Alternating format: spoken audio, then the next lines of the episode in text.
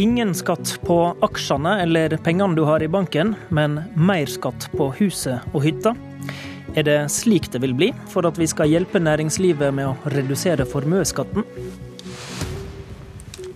Det spørsmålet stiller Politisk kvarter i dag. For um, uten det helt store flomlyset på seg ennå, driver politikerne i finanskomiteen nå og leter etter et nytt skattesystem som kan stå seg over tid. Forhandlingene om skattereform er i innledende runder.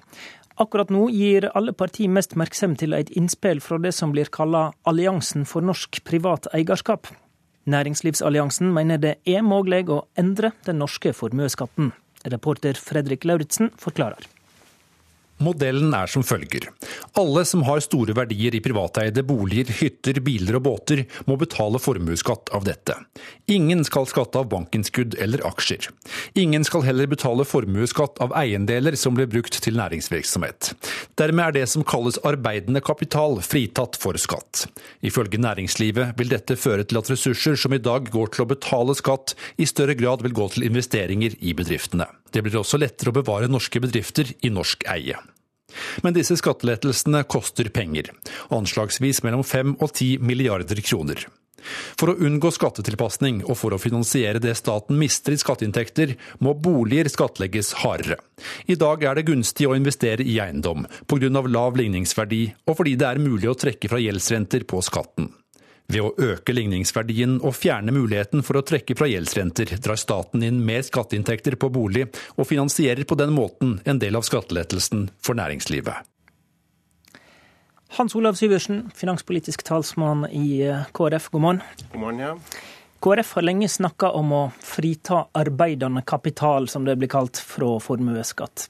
Eh, hva er bra med det systemet vi fikk skissert her? Det som er bra ved å frita for arbeidende kapital når det gjelder formuesskatt, det er at eh, penger som er i bedriften, og som egentlig da skaper arbeidsplasser og gir rom for norsk næringsliv til å utvikle seg, de skal ikke skattlegges. Mens de pengene som går på privaten, de kan få en eh, viss formuesskatt. Dermed så får du et skille som begunstiger det som har med å skape arbeidsplasser og det ser vi, det trenger vi i disse dager. Og da er det kanskje et spørsmål nå om vi ikke bør se på innretningen på den formuesskatten som vi har i dag. Denne ideen er jo ikke ny, men den har uh, vært kritisert Ja, det har vært i vårt program lenge. Der tok du fint æren for det. ja. Den, uh, den, har vært kritisert fordi den er vanskelig å avgrense. Uh, hva er det med dette forslaget vi hørte nå som, som, gjør det lettere å avgrense det? Det er riktig. Det har vært kritikk mot avgrensingssituasjonen som kan oppstå men dette innspillet, da, vi får understreke det er et innspill fra denne alliansen. De sier fra sin side at hvis man legger inn både aksjer og bankinnskudd og sier at det er arbeidende kapital. Det er på en måte investeringer som kan gå til å lage og, og skape nye arbeidsplasser, få bedrifter til å, å, utvide. Eh, de arbeider på en måte for nærings- og arbeidsliv. Eh, og Hvis vi sier at det er arbeidende kapital, så har vi kanskje skåret unna det som kan bli en del gråsoner hvis vi ikke hadde gjort det. Men så må vi jo være åpne på at det betyr jo at eh, skattegrunnlaget da reduseres tilsvarende. Skatteinntektene vil gå ganske betydelig ned. Og er vi da kommet dit at vi bør skattelegge bostad og eiendom hardere for å få til denne skatteletten for næringslivet? Vi må i hvert fall spørre oss sjøl skal det være slik at eh, det lønner seg å investere i eiendom. Og da snakker ikke jeg om den boligen du bor i. Det er viktig for meg å understreke. Det er en god side ved det norske skattesystemet etter min mening. At det å bo i sin egen bolig det beskattes eh, lavere enn mye annet. Det skal bevares har... like gunstig som i dag? Ja, i hvert fall eh, for det aller meste, etter min mening. da. Men så er spørsmålet når man da velger å bruke pengene sine på å investere i bolig nummer to, tre, og kanskje hytte to og tre, da mener jeg vi må spørre oss sjøl er det fornuftig at det blir så gunstig hvis man i stedet kunne investert i norsk næringsliv, gründervirksomhet, det som skaper arbeidsplasser. Og det er jo faglig sett vært veldig kritisert at det fortsatt er gunstig, i hvert fall på en del områder, å investere i eiendom fremfor det som skaper arbeidsplasser.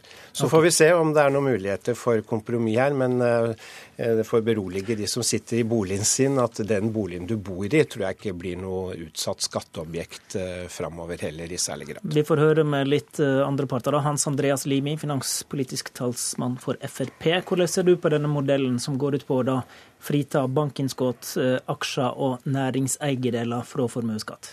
Jeg tror jeg kan eh, følge opp der Syversen sluttet, at boligeierne kan beroliges. Fremskrittspartiet ønsker i hvert fall ikke å skjerpe boligbeskatningen, og jeg tror ikke det er mange partier som ønsker det i realiteten. Det som er interessant med denne modellen som det er lansert fra Alliansen for privat eierskap, er jo at den kommer opp, de kommer opp med et forslag som, til en avgrensning av arbeidende kapital. Eh, som gjør det mulig å gjennomføre et skille. Det betyr at eh, næringsinvesteringer og eh, kapital som er bundet opp i, i næring samt finansaktiva, kan unntas for formuesskatt. Og så bygger den samtidig på noen forutsetninger om at man da må øke formuesskatten på det som blir igjen. Altså på private hender og, og eh, Altså eiendom, bil, ja, eiendom. De foreslår også en økning av verdifastsettelsen på bolig. Ja. Er, er der, du klar for det? Nei, jeg er ikke det. Og det er der um, vi må se på konsekvensene av denne modellen. Og dette er et innspill. og vi vi, vi, utreder konsekvensene og ser på fordelingsvirkningene. Men i utgangspunktet så er det jo fullt mulig å tenke seg at man gjør lettelser i formuesskatten nettopp uh, overfor næring, altså norske bedrifter og bedriftseiere. Uh, uten at man kompenserer det fullt ut med Men, andre skatteskjerpelser. Da blir det vel for dyrt for staten? Ja, nå er Vi jo, øh, vi er jo liksom på vei inn i en diskusjon, omfattende diskusjon om en skattereform. Eh, hvor vi ser på alle skatteelementene eh, og hele skatteregimet. Eh, og da må vi se hvilke grep vi skal gjøre for at vi øker investeringer i norske arbeidsplasser, for det trenger vi nå. Norsk økonomi er inne i en utfordrende periode. Vi trenger økt aktivitet, vi trenger flere arbeidsplasser. Og da må vi skape skatteregime som gjør det attraktivt å investere. Det er det, som, det primære utgangspunktet for, for skattereformen. Eh, formuesskatten er, eh, er, en belastning på norske eiere, og først og fremst en belastning for små og mellomstore bedrifter. Så det å fjerne formuesskatt på arbeidende kapital det vil være et viktig bidrag nettopp for men, å øke investeringene. Men jeg spurte om det ble for dyrt samla sett, hvis du bare skal ta smørsida av dette og ikke inndekninga. Men du vil kanskje argumentere for at skattereformen samla sett skal gi skattelette, du da? Det er utgangspunktet til Fremskrittspartiet og også til regjeringen. Eh, at man skal endre skattesystemet, forenkle eh, og det, finne en innretning som gjør det mer attraktivt å investere i eh, næringsvirksomhet. Samtidig også at man reduserer det totale skattetrykket. Det er jo den forutsetningen som ligger til grunn i den skattemeldingen regjeringen har lagt frem. Syversen, er du med på at reformen samla sett kan gi skattelette?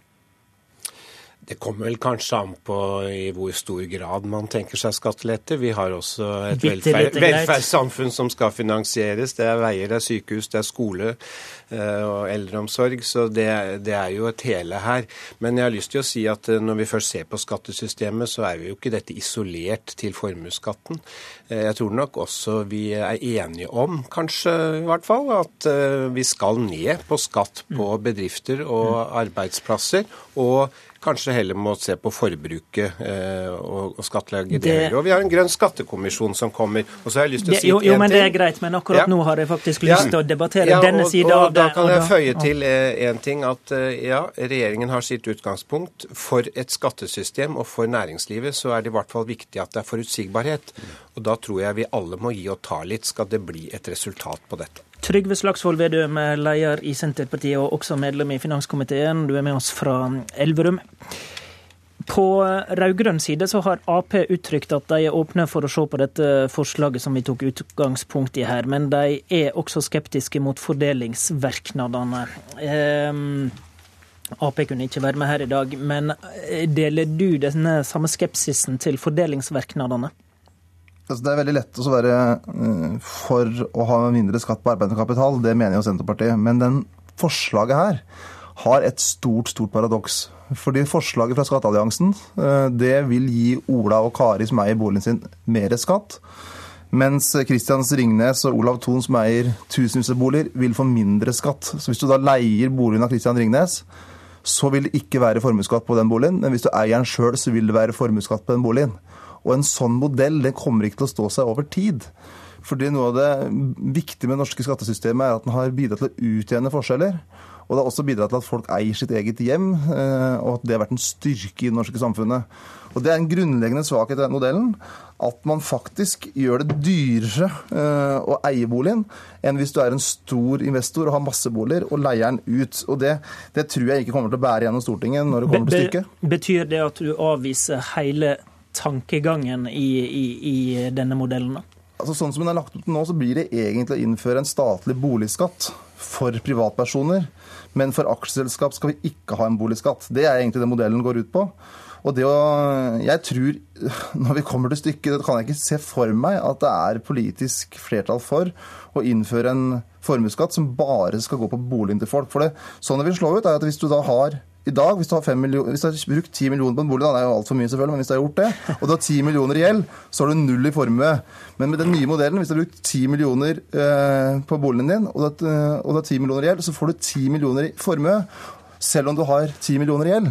Og da må du betale masse formuesskatt hvis du da er en ung etablerer som har etablert deg i Oslo, f.eks. Mm. Eh, mens da hvis du da er Olav Thon som har kjøpt den samme boligen, så skal den fritas for formuesskatt. Og det er det som er problemet med den modellen er at det hjelper Olav Thon, og så straffer det unge i etableringsfasen. og det, det, tror jeg vi ikke kan støtte. Det er vel ingen partier egentlig som har sagt at primærboligen skal uh, skattlegges på den måten, Trygve. Så der tror jeg vi er enige i realiteten. Ja. Hvordan ser du på det som ligger i modellen, og det er det som vi også må ta stilling til. Da. Og Hvordan ser du på dette generasjonsperspektivet, Limi, som Vedum drar inn nå? Nei, altså Jeg, jeg syns uh, Vedum har noen gode poenger her, ja. Uh, men han legger til grunn at at man eh, på en måte skal eh, adoptere hele den modellen som da alliansen har foreslått. Det som er interessant med modellen, det er nettopp det de foreslår rundt arbeidende kapital. Uh, og Det er et interessant spor for å fjerne formuesskatten der hvor den gjør, gjør størst skade. Uh, så foreslår de også en inndekning. Den inndekningen er på mange måter politisk uh, uspiselig. Mm. Så vi trenger ikke å liksom si ja til hele pakken, men vi kan jobbe videre med å se på Eh, forslaget som de har lansert for å, å frita arbeidende kapital okay, for formuesskatt. Men, men, da blir jo spørsmålet, Syversen, hvis det er en viss eh, tverrpolitisk semje om at den ene delen av dette forslaget er bra, men inndekninga er politisk uspiselig, mm. hvor skal dere hente inn inndekninga da, da? Du må jo skattlegge et eller annet annet hardere, da? Ja, da må vi selvfølgelig se på helheten i skattesystemet. Det er jo, Formuesskatten er en del av et skattesystem. Og jeg tror også det er flertall i realiteten i Stortinget for å redusere skatt på arbeid og bedrifter, men at man eh, skattlegger mer på konsum. Da kan folk sjøl bestemme hvordan de vil bruke kronene sine i større grad. Vi har også en grønn skattekommisjon som kommer. Vi vet vi skal oppfylle noen klimamål.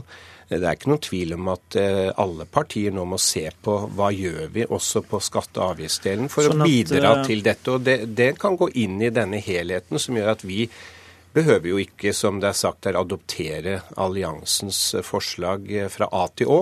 Sånn at du vil gjerne eh, skrive inn forventa økte avgifter som følge av Grønn skattekommisjon i denne reformen? Jeg tror alle kommer til å vise til at den eh, kommisjonen må bety endringer i avgiftsopplegget. Og det blikket som Limi sendte der, det kan tolkes på mange måter, men eh, vi har ikke tid til akkurat den, dessverre. Vi må gi oss der.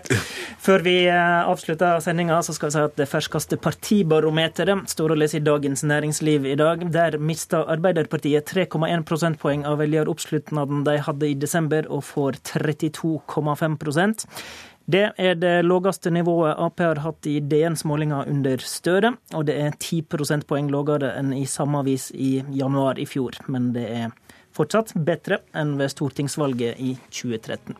Høyre går mest fram i dagens måling, 3,5 prosentpoeng fram til 24,1. De fire samarbeidspartiene hadde fortsatt hatt flertall på Stortinget om denne målinga var valg. Det var Politisk kvarter ved Håvard Grønli.